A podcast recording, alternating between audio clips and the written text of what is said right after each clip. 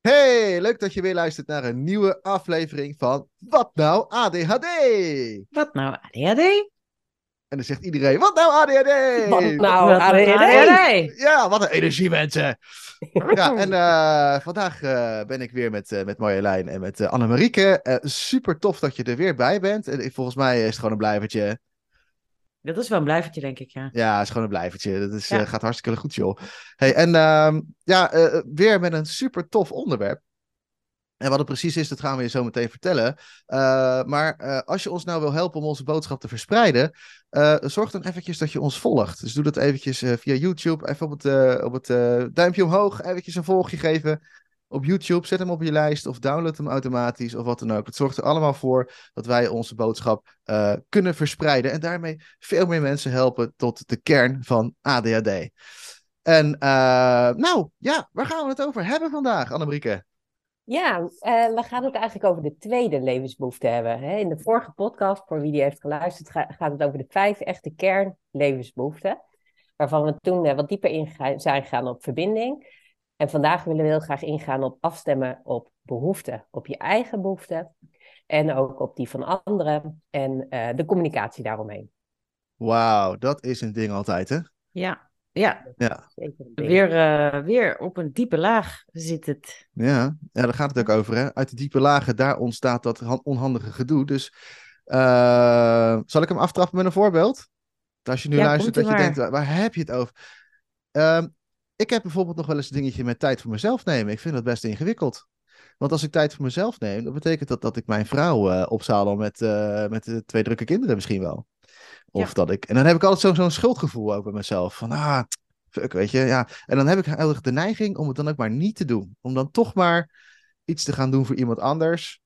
En dan toch die tijd die ik zelf hard nodig heb voor mezelf niet te nemen. Ja, ja, Ja, hoort hier ook bij, hè? zeker. Zeker. Ja, het gaat en met afstemming op behoefte gaat het echt heel erg afstemmen op de, behoefte op fysiek niveau. Hè? Wat heeft je lijf nu nodig? Ik denk in het geval van ADD ook, misschien heeft jouw lijf wel wat meer nodig, wat afwisseling. Of wel echt ook even fysiek bewegen. Het is een beetje standaard wat ik Mhm. nu zeg. Maar als ik kijk naar mezelf, ik heb 's ochtends eigenlijk altijd al even voor 11 uur nodig. Dat ik even naar buiten loop, even frisse neus haal. Van puur liggen naar gelijk achter mijn laptop of in contact met mensen. Dat is eigenlijk al een beetje te veel voor mijn lijf. Ik wil gewoon Ja. even fysiek wat doen. Gewoon even lekker naar buiten. Even zo langs die snelweg zo. Even lekker. Nee, even Ja. in het bos. oh, is het een bos? En, en die voel je dan ook zelf, dat je die behoefte hebt of niet? Sorry? Eh, Voel je dat ook echt, dat je die behoefte hebt dan in je Ja, lijf? ja. nou, ik heb heel lang niet die behoeftes gevoeld van wat heb ik nou eigenlijk fysiek nodig. Ik denk dat mensen en luisteraars dat ook wel herkennen, dat je het eigenlijk niet weet. Ik werk ook veel mensen met mensen die een burn-out hebben en dan weten ze echt bij God niet meer wat ze nou nodig hebben of waar ze behoefte aan hebben. Ja, Ja. misschien in bed blijven liggen, maar dat helpt ook niet. Eh, Nee. Gewoon niet aan, ze weten allemaal heel veel niet, maar niet waar ze wel behoefte aan hebben. Ja. Eh, en ik denk Ja. dat het een enorme zoektocht is eh, om echt je eigen behoeften weer te leren kennen. Ja, Ik herken dat ook wel, hè? Mensen die dan in de coaching eh, naar ons toe komen en die dan, hè, als je dan vraagt van, nou, wat werkt dan voor jou? Dat ze eigenlijk eh, zeggen, nou, ja, ja, dat weet ik eigenlijk niet, maar in ieder geval niet dit en niet dit en niet dit en niet dit en niet dit. Hè? Dat ze heel Ja. goed kunnen weten wat allemaal niet voor ze werkt, maar dat ze nog nooit hebben ontdekt eigenlijk wat dan precies eh, wel werkt, inderdaad. Ja, Ja. ja die Dus ken ik ook heel goed in een periode dat ik eh, drukke baan had, eh, drie kinderen, ik in scheiding lag, eh, een beetje in het overleven was. En eh, had toen op een gegeven moment maar een loopbaancoach. Le- Leuke types, joh. Die loopbaancoach. Dat die aan mij vroeg, ja, wat wil jij dan eigenlijk? Ik had echt geen idee. Ik vond het zo schaamtevol. Mhm. Hoe kan ik nou gewoon een vrouw die midden in het leven staat, gewoon niet meer voelen wat ik wil? Ik had Ja. geen idee. En En je zegt ook iets heel bijzonders, hè? Want je zegt ook echt voelen wat je wil. Ja, Niet denken. echt voelen wat ik wil. Nee, Ja. echt niet, niet eens meer denken, nee. Nee, denken kon ik wel. Nou, ik heb zin in een boterham of zo, maar... Ja. maar en, en het kan natuurlijk zo ver gaan als dat je dat niet eens meer kan voelen. Dat je dus echt ergens trek in hebt. Ja. Het ja, is want dat zie je ook veel bij ADD gebeuren. Hè? Dat mensen heel erg in hun hoofd zijn gaan wonen. Of veel aandacht in het hoofd en het denken. En dan eigenlijk helemaal het contact kwijt zijn gaan met het lijf. Hmm. Ofwel even terugstuiteren of heel erg in het lijf zitten. En dan eh, eigenlijk heel continu ja, impulsief overgeven aan wat het gevoel aangeeft. Bijvoorbeeld denk aan eten. Hè? Oh, nog een Mm. chocola of nog meer. Of nog meer eh, vooral, social media of wat dan ook. Wat dat Mm. lijf of die emotie dan eigenlijk soort van opslurpt. Maar, maar de ratio er niet meer meedoet. Van ja, Ja. jongens, de- dit is even niet het plan eh, dat ik had bedacht. En waar ik ook Ja. all, all over behoefte aan heb. Ja, ja, dat is echt wel waar het over gaat, ja. Ja, Ja, zeker weten. En dat eh, heeft allemaal te maken met die levensbehoeften. Ja, Ja. iets over vertellen dan maar. Tipjes van de sluier. Oeh, daar komen ze, jongens. Eerste tipje van de sluier. Nou, oorzaken, dan gaan we natuurlijk weer terug naar, ja, eh, toch het begin van het leven. Het zijn niet voor niets de levensbehoeftes. Dus het is, eh, het, het zit op een, eh, op een diepe laag, op een diep niveau. En wij als moeders komen er niet zo goed vanaf. Of wel. Maar het gaat veel over de moeder. Dus wat is Ja. een oorzaak, of in ieder geval iets wat een aanwijsbaar iets kan zijn, is eh, bijvoorbeeld de emotioneel afwezige moeder. Eh, ofwel een moeder of ouders die zelf ernstige ontwikkelproblemen kennen uit hun eigen jeugd. Maar ook eh, als, ik, ik denk daar wel eens over bij mijn oudste zoon, die moest toen hij net geboren was, moest hij in het ziekenhuis blijven, omdat hij niet meteen ging ademhalen toen hij op de wereld kwam. En toen hebben ze me, ja, echt idioot, ik heb er nog tegen verzet, maar naar huis gestuurd. Van, jij moet even uitrusten, kom, kom over een paar uurtjes maar weer terug. Mhm. En toen is dat kind, dan heeft daar gewoon in zijn eentje in het ziekenhuis gelegen. Ik echt denk, oh, wat verschrikkelijk. dat kan ik echt nog voelen hoe, hoe, hoe, hoe hulpeloos die zich moet hebben gevoeld. Daar waren natuurlijk wel allemaal lieve verzorgenden. Maar goed, dat, dat, dat, dat soort omstandigheden. Eh, maar ook adoptie of eh, een kind dat veel gezondheidsproblemen heeft gekend. eh, dus veel ziekenhuis, in ziekenhuis heeft gelegen als jong kind. Ja. En, en dat zijn dus een aantal zaken die meespelen in dat er dus deze niet goed afgestemde behoefte ontstaat. En, en dat is dan veel beter te herkennen vaak, want dit zijn dan dingen die echt op heel onbewust niveau natuurlijk zijn, hè? dat weet je gewoon niet altijd. Maar de veel herkenbaardere oorzaken zijn bijvoorbeeld, eh, nou, je bent een baby en je hebt honger en je huilt en je ouders horen je niet, dus daar lig je dan te huilen. En niemand beantwoordt jou, aan jouw roep om de behoefte om eten. Hm. En uh, nou, jullie hebben ook al bij baby's. je, je weet Hm. het gewoon ook niet altijd. Dan huilen ze en dan denk je, wat is er nu? Ja. En dan denk je, nou, ze zijn moe. Ik heb het wel eens gehad. En zo dacht ze weer. En dat kind ging maar niet slapen. En ze leek zo moe. Had ze Ja. honger. Ja. Eh. dat, Ja, dat- je weet het gewoon niet altijd. Die van ons, die voelde, Ehm. mijn jongste, die voelde zich s'nachts altijd onveilig. En toen werd er bij de, bij de, door de kinderarts, werd er dan, of de- niet de kinderarts, maar de, waar je dan heen gaat, weet je wel, zo'n centrumpje waar je dan steeds met je baby heen moet voor Eh, de JGZ. en dat eh, de, de JGZ, ja, ja. Consultatiebureau. Het consultatiebureau, nou, ik, eh, ik, ik kom daar nooit meer, kan ik je vertellen. Die hebben toen gezegd van, nou, je moet er gewoon laten huilen. Ja, maar dan krijg je natuurlijk dit soort situaties van, hè. de Ja, ouderwets, dus, hè? het dus het gebeurt heel vaak wat Ja. je nu vertelt. Ja, het wordt Ja, zelfs mijn moeder de- die zette de stofzuiger Ja. aan, want ik huilde nogal veel. En dan zette ze, ik, ik haat het geluid van de stofzuiger. Ik haat de stofzuiger ook. Ja, dat is sowieso ook wel een beetje ADHD-ding misschien. a- ander dingetje, ja. Maar eh, eh, Ja. Ja, dus En, het eh, is ook iets wat en- bijna bij iedereen wel iets i- op, in de jeugd eh, misgaat. Hè? Dat is echt niet de grote eh, om- omstandigheden, want bijna geen enkele verzorger die is altijd volledig afgestemd op, eh, op zijn Hmm. baby of Ja. haar baby. ja, En dat is wat ehm, het is. zeker in de, deze generaties ook waarin de ouder, al beide ouders werken. Ja, je, je- zie het allemaal maar. De- je, je bent er niet continu alleen maar voor je kind. Je bent er wel, maar Ja, je bent er ook niet, hè? Je bent fysiek Nee, maar- aanwezig, ja. maar mentaal ben je, ben je er niet. En dat, dat merken kinderen heel, heel sterk. Als Ja. ik, eh, met mijn, dat is ook wel heel grappig, hè? Zodra ik in de woonkamer ben en ik pak mijn telefoon erbij, dan ben ik er mentaal ineens dus niet. Mhm. En dan gaan ze ineens heel veel aandacht vragen. Dat- Je kan Ja. je vingers erop natellen. Ja. Ja, want daar wilde ik inderdaad nu heen. Want op een gegeven moment kunnen ze wel taal aangeven. Dus dan Mhm. zeggen ze bijvoorbeeld: eh, eh, Ik heb zo'n zin in een snoepje. Ja, zei er als moeder. Het is eh, bijna etenstijd. Dus je reageert met: Ja, dat kan natuurlijk niet. We gaan zo eten. Of je zegt: Oh, dat snap ik natuurlijk wel. Want snoep is heel lekker. Dat vind jij toch zo lekker? En de tweede optie is dat een kind in ieder geval erkend wordt in dat die behoefte er is. Snoep, je vindt snoep lekker, ik snap dat je daar dat verlangen hebt, zeg maar. Nou, dit is maar een simpel voorbeeld, maar dat kan natuurlijk in een heleboel dingen terugkomen. Weet je, iemand wil een, een verjaardag cadeau wat idioot groot is. Mijn, uh, mijn jongste zoon wil op dit moment gewoon heel graag een Porsche hebben. En hij weet heus wel dat dat niet kan. Maar hij wil het wel.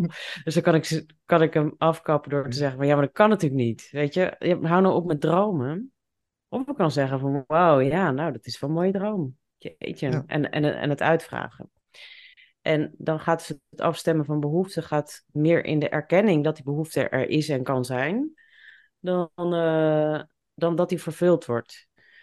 Dus wat je vervolgens aan vervolg zegt tegen dat kind, je hoeft dat snoepje niet te geven, want een kind moet ook leren omgaan met beperking, dus met de schaarste. En, Mhm. en met dat het, maar het kan soms dan ook wel gebeuren dat daar wel een beetje balans in is. Eh, maar het gaat dus niet om dat je het ook daadwerkelijk krijgt, maar wel omdat je daar gezien in wordt. Gezien en Dus gehoord wordt in je verlangen. Ja. Ja. ja. Ja, dus als je het nu En, zo ook zegt, eh, hè, dan, dan, dan geef je eigenlijk voorbeelden in het groot, maar ook in het klein.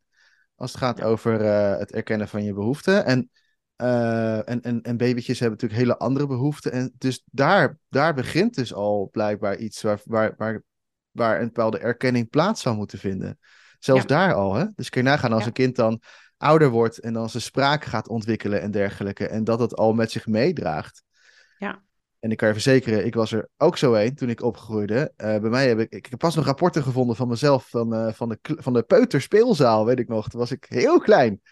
En toen zeiden ze, het, gewoon na een jaar of zo, dat ze zeiden van nou, Bas, heeft, we Bas eindelijk zover dat hij het aangeeft als er wat is. Nou, Hè, de, hulpvragen was natuurlijk echt no-go. Dat deed ik echt niet. ja, jeetje.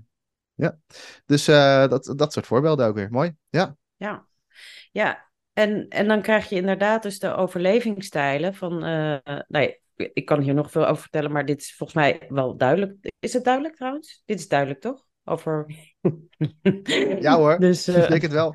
ja. En als het niet duidelijk is, kom dan vooral, neem even contact met ons op. Hè? En, eh, en eh, kom vooral eens langs op een kennismaking. Want als je nu al voorbeelden voorbij hebt horen komen waarvan je denkt van, nou oké, maar hier haak ik wel op aan. Of eh, shit, ik heb ook altijd last van, ik, ik, ik vraag ook nooit hulp. En ja, dan wordt het misschien Ja. een stapje om nu wel hulp te vragen. Maar ja, weet je, je kan hier wat mee. Maar goed, dat, dat komt zo, dat volgt later. Ja.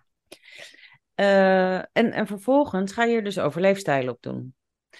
Dus eh, wat je bij jezelf kan herkennen, ehm, moet ik misschien even beginnen te zeggen. Het mooiste van deze, het kennen van deze behoeften is dat je zo eh, kan inzoomen op waar je in je levensenergie kan zitten en waar je in overleefstijlen zit. Dus ik heb een tijd zelf, het komt altijd vanuit dat je daar zelf hebt gezeten, hè? als je die behoefte voelt om dat aan anderen te vertellen.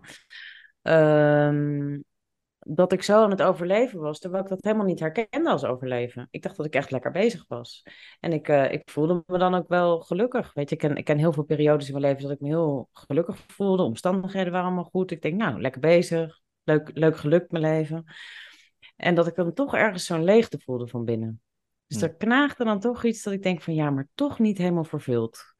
En dat is Ja. dus een van de dingen waaraan je kan herkennen dat je die afstemming, dat dat, dat, dat, dat niet helemaal lekker zit. Dus je hebt een voortdurend ja, een soort onvervuld vo- gevoel eigenlijk. Hè? Ja, stel je Wat voor je dat je dat gevoel dan steeds maar hebt. Hè? Wat, wat, wat zou je dan kunnen gaan zien bij iemand? Welk gedrag kun je waarnemen bij iemand die zich steeds zo onvervuld voelt? Dan zie je mensen die, eh, dan zie je een soort rupsje nooit genoeg Mhm. eh, qua type. Dus ehm, eh, alleen maar meer willen, meer willen, meer willen en het is nooit genoeg. En, en daar heel eisend in zijn, zeg maar. Mhm. Of je hebt het meer geblokkeerde type, wat eh, ehm, ja, eigenlijk geen behoefte meer uit, maar er ook een, een beetje trots op is dat hij, eh, dat hij het alleen kan, hè? dat hij niemand nodig heeft. Ja. Dus eh, ja. Maar Ja. ook, we- ja, je kan het dus ook zien bijvoorbeeld in eetstoornissen. En er is nog wel een leuk voorbeeld van, eh, kijk in iemands voorraadkast. Is die heel vol? Dan heb je meer te maken met het onverzadigbare type, zeg maar. En eh, is die heel leeg, dan heb je meer te maken met het geblokkeerde type. Die van mij gaat Dus, vaak eh, naar van vol naar leeg. Is dat ook... Wat is dat? en ik had vroeger echt zo'n hele lege koelkast. Ik ben echt wel van de schaarste. Dus, Oh ja. maar ik, ik, ik Ja. ga veel om met mensen die juist van de overvloed zijn. Dus die snappen Ja. niks. Die doen mijn koelkast. Nu is het anders hoor. Maar die deden dan mijn koelkast open van oké. nou, hier is niet zoveel te halen. Ik, ik heb echt alleen maar met één ding. Ik eet alleen maar chips. Gewoon chips is dan voor mij echt, eh, echt het ding, zeg maar. Wel grappig, hè? Ja, maar, eh, eh, maar dat, is, eh, dat, dat stamt ook uit vanaf mijn jeugd, zeg maar. eh, ja. En, eh, en jij, Annemarieke, ken jij dat? Eh, nou ja, wat ik heel goed ken inderdaad is dat ik mijn eigen behoeften enorm lang heb opzij heb gezet. Echt niet normaal lang. En ik, op een gegeven moment mocht ik voor het World Food Program naar het buitenland. Nou, toen ging het helemaal los, want eh, daar werkte ik drie maanden in Cambodja. En die mensen hadden helemaal niks. Dus ik had ook bijna niks meer. Ik was echt iets van zes kilo afgevallen toen ik thuis kwam.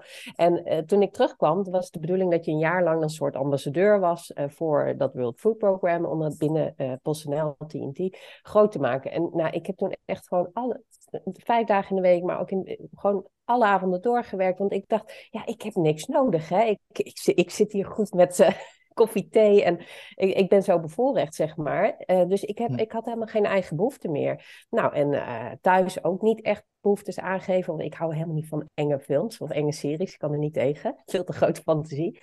Maar mijn vriend die hield heel erg van CSI kijken en allemaal dat soort dingen. En, eh, maar dat, ja, ik, kon, ik kwam er niet op om te zeggen, goh, mag ik ook één avond gewoon de woonkamer voor mezelf? Hè? Of er nou tv aan is of niet. Maar gewoon niet meekijken met iets. Ik ging al helemaal vanuit de behoefte van een ander. Die staan Mhm. zo ver vooruit voor, eh, qua prioriteit op mijn behoefte. Dus ik vroeg het me geen eens af. Ja. Ik ben ook de jongste in het gezin. Nou, ja, op ja ik, ik weet nog dat ik vroeger wel eens langs, met mijn ouders langs een broodjeszaak en dan hing- was er zo'n broodje pudding. En dat leek me zo lekker. Maar echt niks in mij dat, dat zou hebben durven vragen of zo. Terwijl als ik naar mijn eigen kind kijk, ja, die vraagt er gewoon om. Hè? Mag ik een ijsje? Of, oh, dat ziet er lekker uit. Zullen we dat een keer eten? Ik vind het een hele normale vraag. Maar Ja, ik, nee, ja. nee, ik voor mijn eigen Dus we- opkomen. Never. We hebben eigenlijk alle, alle drie een beetje het, eh, het geblokkeerde type gedaan. Ja, Interessant, hè? ja. Lijkt dat elkaar aan? Geen idee. oh, interessant. Ik denk dat we Ja, daar en- een hele podcast dus over kunnen maken. En wat je dus hebt, nou, dat is ook niet zo heel gek. Want wat er ook bij komt, is dat je, om die leegte op te vullen, ga, je gaat op zoek naar vulling daarvoor. Dus je eigen behoefte niet kan voelen, dan, dan ben je dus volledig gericht op de, het vullen van, vervullen van de behoeften van anderen.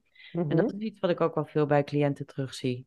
Ja. Dat, dat, dat grenzeloze eh, zorgen voor de ander en praten over wat de ander nodig heeft. Maar daar Denken dus ook voor de echt ander. een vervulling in voelen. Dus ook Ja, echt in alles voelen dat het helemaal correct is. Want het lijkt natuurlijk ook heel mooi dat je altijd Hmm. alles voor de ander doet. Dat je precies weet wat iemand Ja. nodig heeft. Mhm. Kunnen we ook wel, hè? We zijn coach. Ja. Dus, eh, Als wij eh, iets hebben moeten leren, dan is het wel niet invullen voor een ander. Ja. Ja, precies. Niet ja. nadenken voor wat diegene allemaal denkt of niet denkt. Ja. Want je weet Ja. het niet. Alleen het is zo'n. Ik heb, ik heb van mezelf, van nature, zo'n drive om proberen te achterhalen wat diegene denkt. Zodat ik het beste kan doen en zeggen voor diegene. Ja. En, en al mijn aandacht is dan bij die ander, maar er is dan Ja. niks bij mij. Hè? Ja. En, en dat heb ik echt moeten leren om, eh, om die aandacht eh, weer helemaal. Ja. Nou ja, niet, niet eens helemaal, want het hoeft ook niet helemaal. Maar eh, zeker de helft eh, van de aandacht gewoon naar mezelf weer toe te, toe te krijgen. Ja, kun je dus gewoon leren, mensen. Ja, hoe heb jij dat dan gedaan? De aandacht naar jezelf te krijgen? Ja, nou, dit is echt, het was een hele simpele oefening eigenlijk, eh, die dat voor mij al, eh, al deed. Maar het, heeft, in eerste instantie heeft het natuurlijk heel veel te maken met verbinding, hè, waar jullie het de vorige keer over gehad hebben. En voor mij was het op het moment dat ik verbinding ging voelen, dan wist ik, had ik geen idee wat ik daarmee moest. Dus ik wist ook niet hoe het voelde, verbinding. Want op het moment dat ik in verbinding ging, dan voelde dat oncomfortabel. Dan had ik het gevoel dat mensen te dichtbij kwamen. Dus was, ja, eh, dat was niet zo. Maar ja, zo voelde dat, omdat ik dat natuurlijk helemaal niet gewend was. Dus als ik eh, die verbinding dan per ongeluk een keer aanging met iemand of wat dan ook, ja, dan, dan, ja, dan ging ik grapjes maken en dan ging ik eh, een beetje eromheen kletsen en dan ging daarna zoveel mogelijk alle aandacht poef naar diegene toe. Want dan hoefde ik niet in die verbinding, maar dan kon ik wel de hele tijd mijn aandacht daarbij. Dus toen ging ik eh, het helemaal omdraaien. Dat ik alles aan, aan hun aan vragen stelde. Of eh, met, met, met mannen was dat heel makkelijk. Want met mannen eh, ga je gewoon eh, rotgaantjes over elkaar maken. Hè? Een beetje katten, een beetje... ja, dat was super makkelijk. Want dat, was, dat werd nog geaccepteerd ook. En als je dan een middelvinger kreeg omdat je iets zei, dan had je het goed gedaan. Hè, dat, Ja. zo, zo werkte dat een beetje in de mannenwereld, om het zo maar te zeggen. Dus dat is heel makkelijk om daar lekker uit contact te blijven.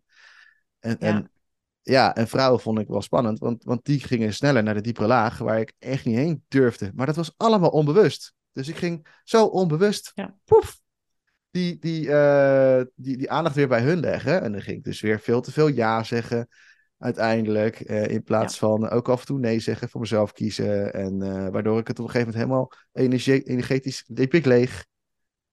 En dan maakte ik het uit. Eh, een vlucht. Ja. ja. En, en dan, en dan Maar dat deed alleen- achter met... niet alleen in relaties, maar dat deed ik ook in werk. Werk. Ik ging ook Ja. van baan Ja. naar baan naar baan naar baan, omdat ik te veel Ja. gaf van mezelf. Ja. En, eh, en, en die mensen hebben het waarschijnlijk niet eens gemerkt. Eh, die denken gewoon, nou, doe gewoon zijn ding. Alleen, ik was zo met mijn aandacht heel de tijd bij de andere personen. Ja. Dat, dat slokt al je energie op. Ja. Ja, en ik heb misschien ook nog wel een mooi voorbeeld wat mensen, luisteraars zelf ook kunnen doen. Het is ook lekker gericht op jezelf, zeg maar. Ehm, is wat, wat heel fijn kan zijn, is om echt over, even letterlijk je ogen dicht te doen. En dan het liefst ook nog de handen voor de ogen. Want als je je ogen dicht houdt, zolang je je ogen open houdt, ben je met 80% met de buitenwereld binnen. Je, je, Hmm. je ogen zijn continu aan het registreren. Je oren zijn continu aan het registreren Lekker. wat ze horen. Ehm, Hmm. Dat hele onderbewuste systeem is continu aan het filteren: ben ik veilig of ben ik niet veilig? Dus er is absoluut een goede reden waarom je veel met die aandacht naar buiten toe bent geweest vroeger. Hè? Dus waarschijnlijk is er een bad van onveiligheid geweest. Er zijn redenen om die zintuigen lekker ver open te zetten. En het is zo belangrijk om, om, ja, ik doe het echt dagelijks en tussendoor, tussen klanten door, elke keer als ik contact heb gehad met iemand of in een situatie ben Hmm. geweest waarin mijn zintuigen weer verder openstaan, is echt even handen op mijn, mijn ogen of een hand op mijn hart en een hand op mijn buik. Om dan echt even zo met die aandacht terug te komen bij jezelf. Door heel erg op te merken, oh, ik heb ook een rug. Hè, in plaats van zo Ja. naar voren toe. Maar oh, wacht even hoor. Ik ben ook, ja, er is ook iets achter mij wat ik op kan merken. ja, ja, ja. Ehm, hoe is het eigenlijk met mijn ademhaling? Ja. De ademhaling is misschien nog wel de allereerste levensbehoefte. Hè? Is de eerste echte behoefte van dat fysieke lijf. En daarin kan je ook checken ehm, ja, hoe het met je gaat. Als die ademhaling Ja. een beetje versneld is, ja, dan, dan maakt je lijf al adrenaline en stresshormonen aan. Dat, een eerste behoefte van jouw fysieke lijf is goede zuurstof en een ontspannen zenuwstelsel. Dus om daar even echt op in te tunen, en het hoeft op, eh, op zich maar twee minuutjes per keer. En even op te merken, hè, zit er spanning in mijn lijf? Kan ik dat loslaten? Ja, mooi. met mijn ademhaling? En dat te vertragen. En dan misschien op het moment dat je rustig bent de vraag stellen, wat heb ik nu echt nodig? Of wat, waar heb ik nu behoefte aan? Ja. Dan zou het maar zo kunnen zijn dat daar eh, bepaalde antwoorden komen. Oh, ik heb nu eigenlijk wel zin om even naar buiten te gaan. Of oh, ik heb wel zin om even die te bellen. Of Ja. ik heb wel zin En zo'n om... antwoord dat komt ook in één keer op. Hè? Dat is een soort van een split second waarin dat ineens in je opkomt. Soms merk je dat niet eens op, maar dat is er wel altijd. Mhm. Ehm, en heel vaak hebben we ook nog de neiging om die gedachten gelijk weer weg te duwen. Om die gedachten weer aan voorbij te gaan. Ja. Ehm, omdat we zo gewend zijn om zo onwijs na te denken over, over, over alles wat we doen en waarom. En, en nou, dat, dat is toch niet nuttig, dat werkt toch niet. Mhm. Maar kijk ook naar het allereerste antwoord wat in je opkomt. Dat is Ja. een belangrijke. Ja. Ja, en, en dan hebben we ook meteen weer mooi het lusje van waarom is nou dat, dat verbinding, waarom deden we die als eerste ook, hè? Dat, eh, dat verbinden met jezelf is, eh ja, is een voorwaarde om je behoefte te kunnen voelen. En verbinden ook een Anders beetje niet met hoofd, hart en buik. Hè? Om Ja. niet alleen maar hier Mhm. te verbinden met die gedachten, waar, Ja. waar het zo druk dan eh, van wordt. Maar Ja. ook weer eens even verbinden met mijn fysieke lijf. Ook daar zijn Ja. natuurlijk eh, prachtige oefeningen en, eh, en dergelijke in te doen. En we gaan straks, eh, als wij helemaal overgegaan zijn naar ADHD Masters, dan gaan we dit soort oefeningen ook met jullie delen. Dat doen we dan op onze website. Eh, en dan gaan we die ook gewoon inspreken, jongens. En dan, eh, nou, dan wordt dat een, eh, een, een, een hele mooie, shaker zeg. Nou, dan wordt het een hele mooie, mooie omgeving wordt dat straks. Ehm, en, en wil je er nu al iets mee? Herken je nu al iets? Dat je denkt van, oh, maar dit is echt iets dat, dat is zo levensbepalend voor mij soms. En ik ben daar soms zoveel energie aan kwijt.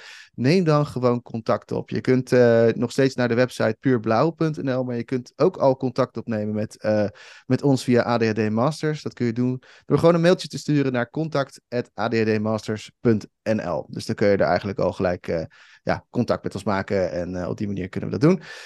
Ook als je wil opgeven voor een toffe training, workshop of masterclass, kun je natuurlijk al aangeven of je daar interesse in hebt. En dan kunnen wij daarop plannen. Dus dat is altijd goed om even te laten weten. Um, ik besef me net trouwens dat ik helemaal niet verteld heb welke oefening ik nou gedaan heb. Ik ben gewoon een verhaal gaan vertellen. Ja, precies. dat is Wat wel was mooi, hè? oefening? Dat- dat- dat- Terwijl ik aan het praten ben. behoefte aan was. Zal ik, Ja, dat opnieuw, te zal ik de stellen. vraag opnieuw Ja. stellen? Misschien moet ik maar even bij jullie op de, ba- op de bank komen zitten. Hoe heb jij dat gedaan, Bas? Ooit? Ik vertel hem opnieuw, hè? Hoe heb jij dat gedaan Ja. dan, Bas? Ooit? Dat je dus niet helemaal bij de ander bent, maar meer bij jezelf? Vraagteken? Antwoord. Nou, De allereerste stap, die, het zijn twee stappen. De allereerste stap die ik genomen heb, was door door te krijgen, wat is nou in je lijf voelen? Want dat vond ik nog niet eens zo makkelijk. Ik snapte daar niks van. Mijn brein kon daar niks van maken. En, en dat was, ik moest echt even doorhebben van, oh ja, wacht, het is dus gewoon puur en niks anders dan opmerken wat er in je lijf gebeurt. Als ik met mijn aandacht naar mijn voeten ga en ik voel een tintelingetje, oké, je merkt een tintelingetje op. Meer niet. Dat is voelen. Groter of kleiner hoeft het niet te zijn. Voor mij was voelen echt, oh, dat moet enorm heftig zijn, dacht ik. En daarom deed ik het niet. Ja. Dus toen ik dat geleerd had, was dat voor mij een, een, een makkelijkere stap om. ehm, en ik doe het vaak bij coaches ook. Hè, gaan we ook eerst leren, leren voelen op een fijne manier. Want dan kun je dus ook blije dingen voelen. Dat is dus juist weer zo leuk. Waardoor die pretstofjes weer lekker gaan lopen. Ehm, en daarna heb ik oefening gedaan. En, en dat weet ik nog heel goed. Dat was met een, met een andere man. In een groep was dat toen de tijd. En ik- we moesten elkaar vier minuten lang in de ogen kijken. Oh ja. Vier minuten lang. Ja, jij kent die oefening wel, hè, Annemieke? Ja. dat is echt, echt leuk. Dus eh, we Ja, gingen dat is die- heel pittig, ja. Ah, hij, is, ah, hij is leuk, hij is echt leuk. En die kun je dus thuis met je partner bijvoorbeeld kun je dat doen. En dat is echt, echt een goede oefening. Dus wat gebeurt er? Je kijkt elkaar gewoon recht aan en dan krijg je eerst zo even die, eh, even die tintelingen, weet je. Van, oh, dat is awkward, ongemakkelijk, ga je een beetje zitten lachen en zo. En eh, nou, dat is prima. Laat dat maar gewoon gebeuren, want dat moet er dan even, dan moet je even doorheen. En als je elkaar dan gewoon aankijkt, en op een gegeven moment merk je dat je een beetje, een beetje verzinkt in elkaars ogen. Ken je dat? Ja, Dat je zo een beetje wegzakt in elkaars ogen. Nou, dat is het moment waarop je verbonden, verbondenheid ervaart. Dus dan kan je dat ook gelijk herkennen van, oh, wacht even, dit is verbinding. Zo voelt het. En op het moment dat je dat dan aan het doen bent, dan kun je elkaar opdrachtjes geven. En opdrachtjes geven in de zin van, oké, nu 100% van je aandacht bij mij en 0% bij jou. Oftewel, heel je aandacht bij de ander. Voor de ander voelt het dan alsof je een beetje op schoot komt zitten. Die zal je ook een beetje achteruit zien deinzen. Want je energie stuur je allemaal daarheen op een of andere manier. Het gebeurt gewoon, ja, het is gewoon echt zo. Ehm, en dan kan je ook zeggen, oké, nu al je aandacht bij jezelf. En dan zal je merken van, oh, het is inderdaad, ik voel nu mijn hele lijf. Hè, wat heb je geleerd? Dat heb je geoefend. Oké, nu weet ik hoe mijn lijf voelt. En, en daar gaat nu al mijn aandacht heen. En dan kan je ook zeggen van, oké, doe nou 70% bij de ander, 30% bij jezelf. Of 50%, 50-50. En die 50-50 is lekkerst, vond ik. En daar ben ik eigenlijk altijd mee gaan oefenen. Ook van, oké, weet je, als ik met iemand praat of iets doe. En 50% van mijn aandacht bij de ander.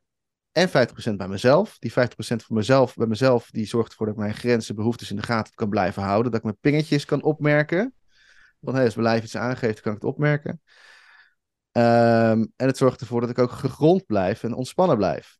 Dus de, grap is dat ik altijd bang was dat ik, dat ik mensen niet goed kon verstaan. Of dat, ze, dat de informatie niet bleef hangen als ik niet van mijn volledige focus bij diegene was. Maar tegenovergesteld is dus juist waar. Op het moment dat ik meer met mijn aandacht bij mezelf ben, kan ik veel meer onthouden en veel meer begrijpen wat diegene eigenlijk zegt. Dus uh, ja, dat, die oefening heeft mij heel geholpen. Dus vier minuten lang elkaar aankijken. Even door die awkwardness heen. Ja. Zet maar een timer of wat dan ook. Ga maar gewoon kijken. Ik doe het ook wel eens met coaches, dus wees gewaarschuwd. Uh, online wordt het lastiger. Dit schrik weg. ja, dan zit je elkaar een beetje zo scheef aan te kijken. Uh, maar ja, dat kan je dus heel leuk eens uh, proberen. En dan uh, ga je gewoon je aandacht uh, sturen. Ja. Dat is wel interessant dat je dat zegt. Online kan je elkaar dus niet echt aankijken. Dat is ook wat. Het is mij nog niet gelukt, nee. Nee, ja. Nee. Goh. Ja. Nou, daar heb ik nog nooit zo over nagedacht. Interessant. Nee, maar je kunt wel verbinding maken. Zeker, ja. ja dan, dan weet je dat, daarom dacht ik er ineens over, hoe ontzettend veel mogelijkheden tot verbinding maken je hebt. Dat is niet alleen de Ja. ogen. Nee, mooi hè? Ja, En, dus, eh, eh, dat, dus dat. Cool. Nou, ik eh, ga nog even, zal ik gewoon nog even verder praten, want ik heb nog veel meer te zeggen. Ah, ga je gang. Ah ja, oké. Het is een podcast, hè? Mag nog even duren. Want, eh, nou ja, waar kan je het dan onder andere ook aan herkennen, is aan, ehm, eh, als je in je levensenergie zit, is dat je nee kan zeggen zonder schuld. En Hmm. dat klinkt heel eenvoudig, maar die was voor mij zo herkenbaar. Dat ik denk, oh ja, nee zeggen, dat is een soort nee, of zo'n hele kleine nee. En wat gebeurt er in je lijf als je dat doet? Of kan je gewoon nee ja. zeggen, dat het Hmm. vrede blijft in je lijf. En, en dat is echt de bedoeling, dat het vrede blijft in je lijf als je nee zegt. Nee, Ja. dit, nee dit niet. En, eh, en hoe dat dan ook weer, ja, nou ja, hoe is dat voor jullie? Herkennen jullie dat ook? Ja, ik vond het nee zeggen echt altijd heel erg moeilijk. Dus Ja. ik heb veel met het uh, met schuldgevoel. Ja. Um, en dan ging, als ik dan nee zei, dan had ik al zo lang erover nagedacht dat het eigenlijk bijna net zo veel energie kostte als dat ik er gewoon was gegaan bijvoorbeeld. Hè? Of, dat, of ik Hmm. wel dat had gedaan. Dus dat het dan op een gegeven moment ook een afweging wordt. Ja, ik kan het nu wel net zo goed wel doen, want anders voel ik me zo schuldig over. Dan heeft het ook geen zin. Ja. Nee zeggen en dan heel excuses erbij omheen. Ja, dat is allemaal helemaal niet nodig, joh. Zo, maar dan ga je hard, op mezelf. Ja, daar dat ga je hard van werken. Wow, ik heb het echt Ja. ook heel veel gedaan in, eh, inderdaad in het werk. Ja, Zonde, hè? ja. Achteraf. echt zonde. Echt Ja, daar wil ik veel mensen voor behoeden, want het kost zoveel energie, terwijl het Ja. is echt niet Ja. nodig, hè? Ja.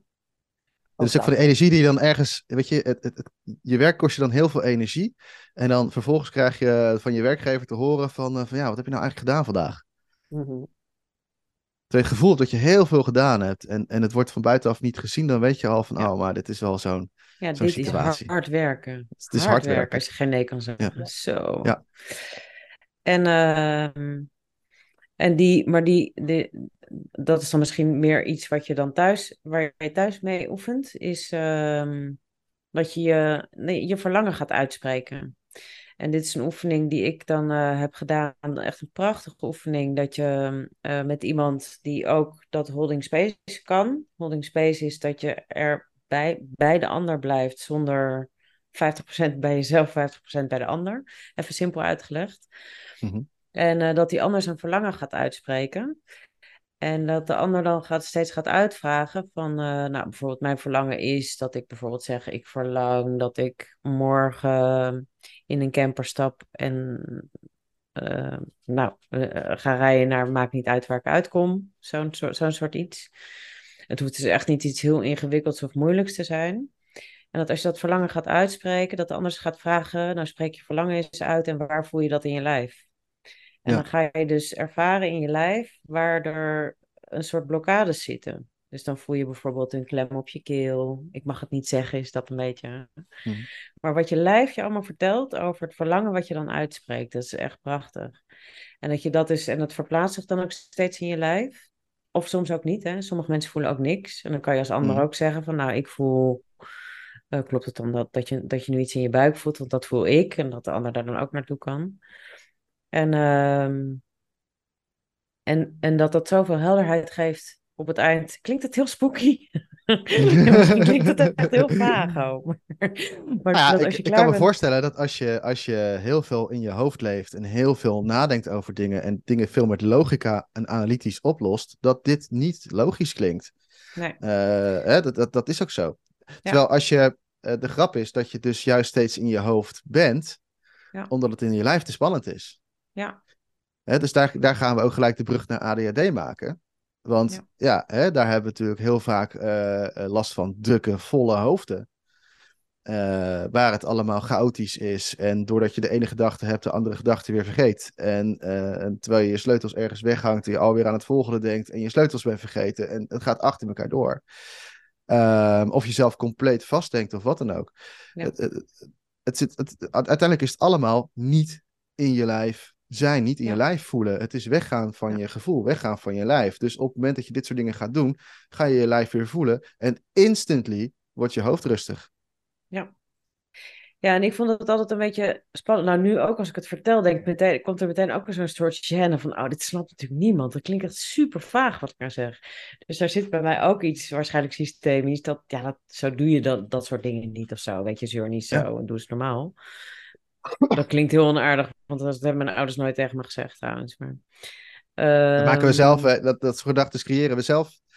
Hè? Ja. En, eh, en ja, weet Ja. je, er zullen mensen zijn, en misschien jij ook wel als je luistert, ehm, eh, die denken van ja, dat wordt zweverig. Hè? Dus op het moment dat ik het niet meer Ja. met logica kan, kan, kan behappen, wordt het zweverig. Ja. Eh, en, en, en dan wil ik je echt eens uitnodigen, weet je. Kom dan echt eens een keer langs. Want, want juist, juist dat stuk zal jou dan heel ver kunnen brengen in, eh, in, in rust in je, in je kopje, wat je zo graag wil. Ja, dan ga ik het Ja. gewoon nog enger maken, namelijk. Want tijdens die oefening dan, had het nog niet afgemaakt. Moeten we de X-files opzetten? want, want tijdens dus dat je dat dan voelt, vraagt die ander dus ook uit van, nou ja, vo- voelt het als expansie of als contractie? En Ja. expansie is dus dat het, nou ja, maar dat, dat, dat, dat weet je eigenlijk. Als het gevraagd wordt, dan, dan weet je eigenlijk al wat er bedoeld wordt. Maar goed, met expansie Hm. is dus, voelt het open of voelt het in elkaar ge, Hm. ge- gedingest. En, ehm, en door dat dan zo te gaan onderzoeken, weet je dus aan het einde van de oefening komt er een soort helderheid. En je hebt daar nog geen taal voor, want het lichaam heeft niet woorden. Hè? Dus dat, dan heb je daar nog geen taal voor, maar je voelt wel van, oh, maar dit verlangen, daar zit gedoe op, weet je. En dat je dan in de, vaak is het de dagen daarna, dat, je, dat er dan langzaam iets doorcijpelt van, jemig, dat verlangen met die camper te gaan. Ik, ik durf dat niet eens te zeggen of zo. Of Ja. ik heb daar schaamte op naar, want dan mm, laat ik mijn kinderen in de steek of eh, Mhm. dat, soort, eh, dat soort dingen. Ja. Dus het is niet eh, een instant, eh, maar goed, dat is, dat is niet, sowieso niet met deze coaching op diepe lagen. Ehm, is, het is niet een, eh, een, eh, een snackbar hè, waar je iets bestelt en je krijgt de oplossing. Nee. Nee, en wat ik wel fijn vind voor de mensen die denken, ja, met dat lijf, daar heb ik niet zoveel mee. Ik moet zeggen, ik, ik, toen ik eh, tien jaar geleden een beetje hiermee begon, zat ik in een groep taal van het lichaam, heette die opleiding, mocht ik vanuit mijn werk doen. En dat begon met, voel je hart. Voel je hart? Nou, ik voelde echt niet mijn hartslag of mijn hart. Of, nou, ik, Ja. ik kon er allemaal helemaal niks mee. En, dan, en, en andere mensen voelden van alles. Dus ik, ik kom echt wel vanuit echt puur mijn hoofd. Maar ik, nou denk ik, wat een armoede als je niet in dat lijf aanwezig kan zijn. Want daar zit zo'n rijkdom en daar zit Ja. zo'n taal. Hè? Dus het Mhm. lichaam in- in- met emoties en met inderdaad zintuigelijke gewoon waarnemingjes in je lijf. Die is gewoon continu met jou aan het praten. En eh, gedachten vinden we heel normaal om naar te luisteren. Maar naar die taal van het lichaam eigenlijk niet. Ehm, ja, dat is wel tijd om een keer te doorbreken, denk ik. Ja, Ja, dat is een mooi patroon. Eh, eh, Ja. Tenminste, het is een mooi patroon om te doorbreken, inderdaad. Het eh, patroon van eh, zodra het in het lijf een beetje spannend wordt, om wat voor reden dan ook, of we hebben een gedachte. Dus trouwens wel ook, ook gelijk mooi om dat te vertellen, hè? want ons lijf heeft natuurlijk helemaal niet echt, eh, ja, dus die reageert op ons, onze gedachten.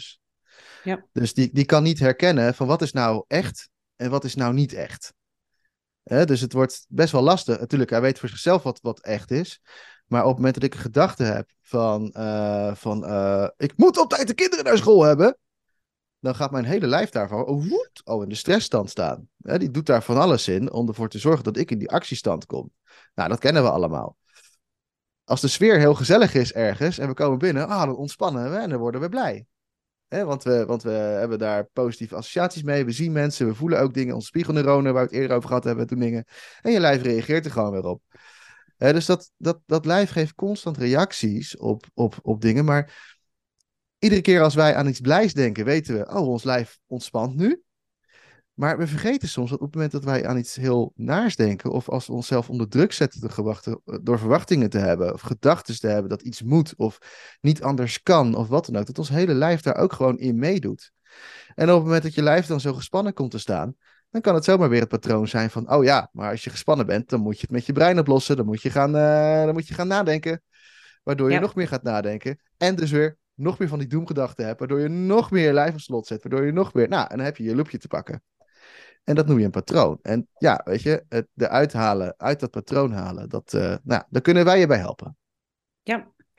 Ja, ja en de- deze onderwerpen, zowel de verbinding als de eh, afgestemde behoeften, dat, dat gaat natuurlijk heel erg naar de kern. Maar dat wil niet Mhm. zeggen dat onze coaching gericht is op dat we gaan vroeten in waar het allemaal mis is gegaan of zo.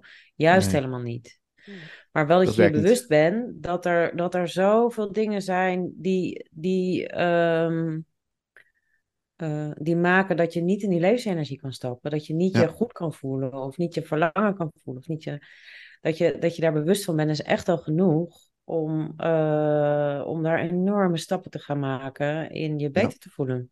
En je hoofd leeg te krijgen. Dat is, ja, dat Ja. is, dat is eh, heel fijn. Heerlijk. Lekker gevoel is dat. Hè? Als je voor het eerst. Het Jullie hebben dat ook allebei fijn. gehad. Ik moet nu weer terugdenken aan mijn eerste keer dat ik eh, zo'n soort body and mind oefening deed. Dat was nog in de coachopleiding.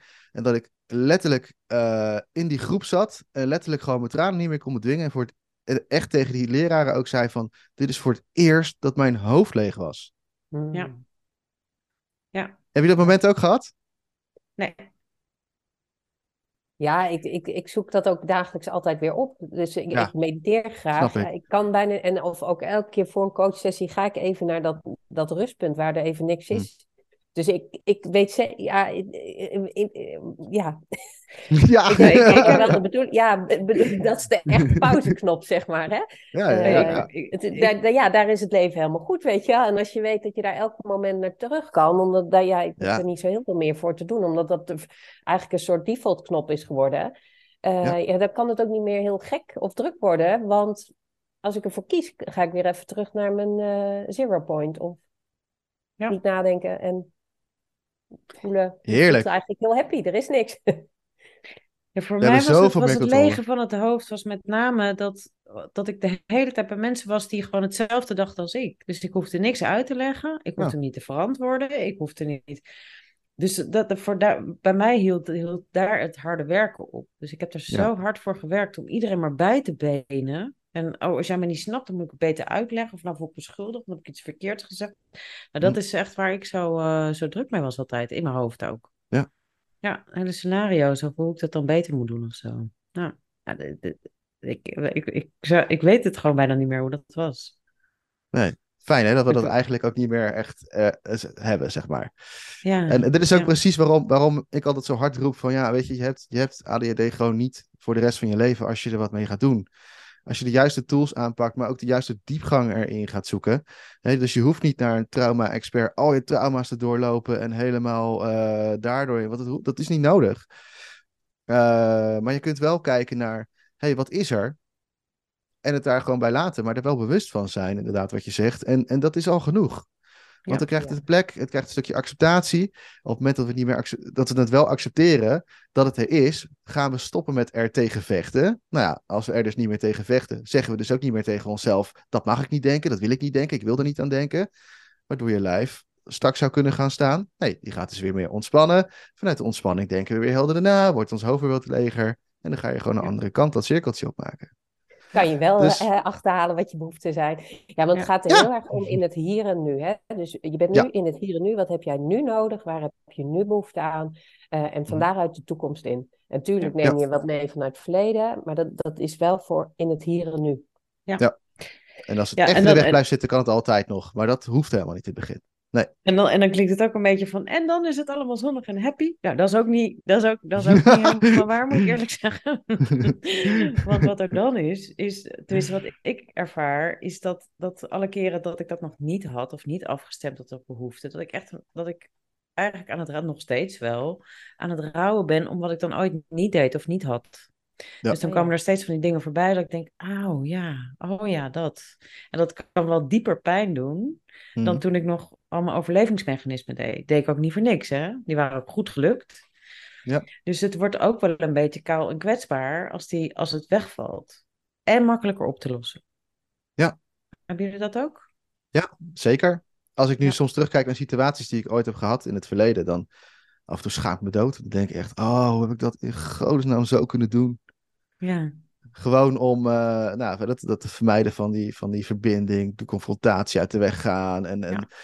Zoals ik dat nu eigenlijk nooit meer zou doen. En het mooie is dat ik nu, nu kan kijken naar, hé, hey, maar waar sta ik dan nu? En wat fijn dat ik dan nu al weet dat het anders kan. Ja.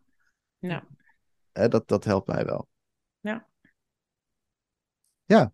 Ja, Ja, rondom die behoefte, misschien nog wel interessant om te, want wat je ook vaak hoort bij mensen met ADD is, ik heb zo'n kort lontje, hè, of ik, eh, dan lopen ze zich eigenlijk heel vaak aan te passen en juist wel te pleasen, of aan behoeftes te voorzien of Mhm. te doen hoe het hoort.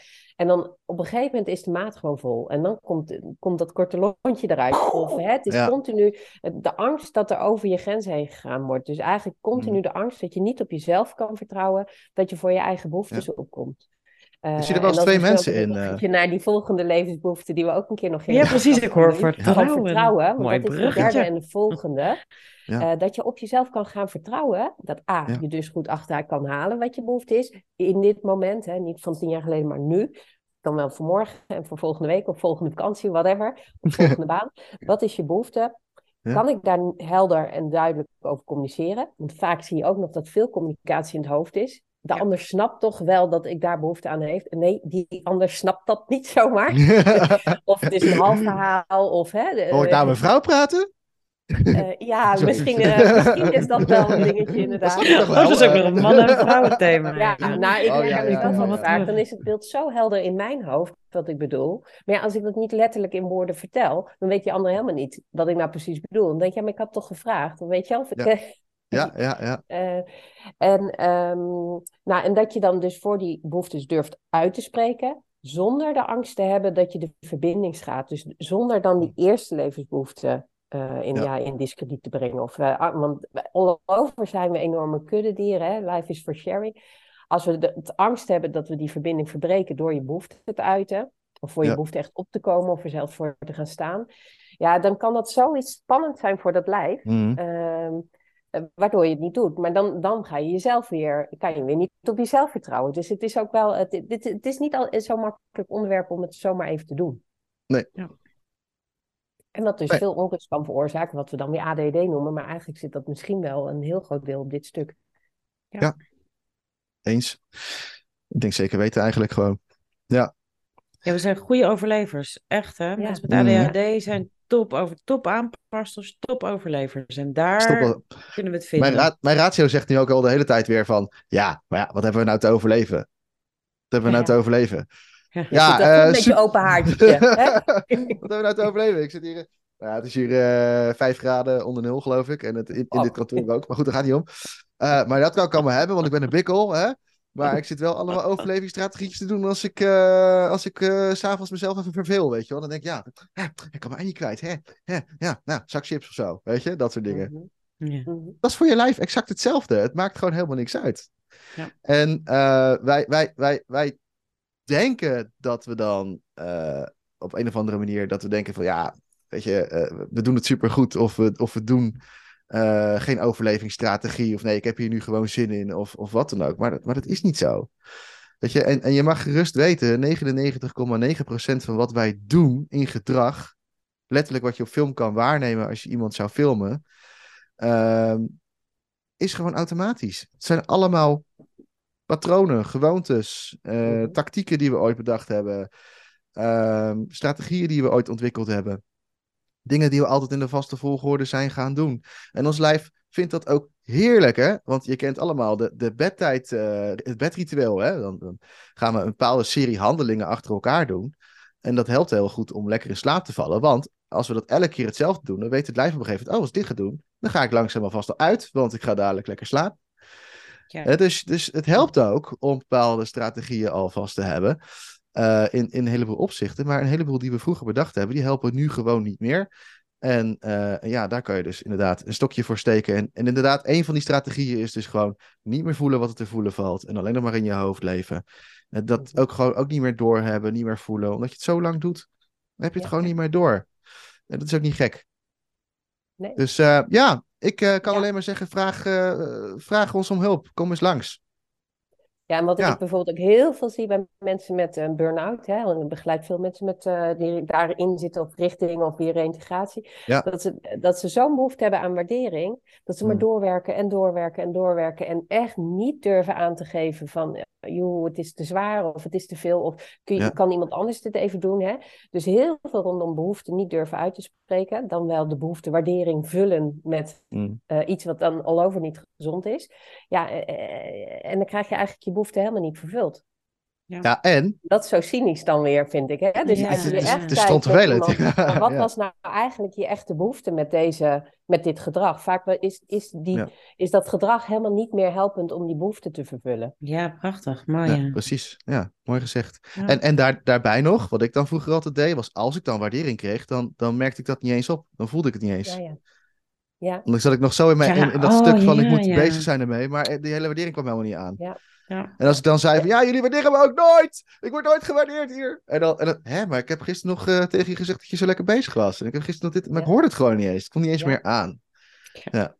ja, want dat hoort bij deze ook echt. Hè? Het, het gevoel dat je het niet verdient of niet waard bent, dat je behoeftes worden vervuld. Dat je daar, Ja. Omdat je dat misschien dus vroeger van die, die kernverzorgers van wie je het het liefste wilde krijgen, daar heb je het niet gekregen, die kernbehoefte. De kernbehoefte ook natuurlijk de behoefte van verbinding bijvoorbeeld, of eh, Mhm. nou, aandacht, of die waardering, hè, en erkenning en gezien worden. Kijk, papa, ik heb een mooie tekening gemaakt. Ehm, en als dat daar niet gevuld is, ja, dan, dan blijft dat misschien wel zo'n zo'n leeg gat, als je Ja, daar niet bewust ja. van bent. En, en waarvan je ook het gevoel, ja, maar ik verdien het ook niet. Want dat is je Nee. nulsetting geworden, dat dat niet Ja. vervuld wordt. Ja. Mooi gezegd. Ja, en, en dan nog eventjes een dingetje, want ik heb nu wel een beetje, ik krijg nu een beetje schuldgevoel, Annemieke, tegenover de ouders die zo hard hun best doen. Nou ja, En, eh, en die in deze podcast eigenlijk een beetje horen van, ja, fuck, weet je, ik heb dingen misschien wel verkeerd gedaan, of, eh, of misschien hebben mijn ouders dingen verkeerd gedaan. Ehm, en, en, en, en nou ja, weet je, ik als ouder weet heel goed hoe dat voelt. Ehm, en, en, en, en, en, ja, weet je, het, het zou kunnen dat je dingen niet handig hebt aangepakt in het verleden. Dat zou heel goed kunnen. Maar ook daarvoor geldt, eh, je deed het waarschijnlijk met de, de, de beste intenties. En die intentie, die is super belangrijk om te achterhalen. Want soms dan heb je die intentie wel eens gezet op iets van een eigen verlangen.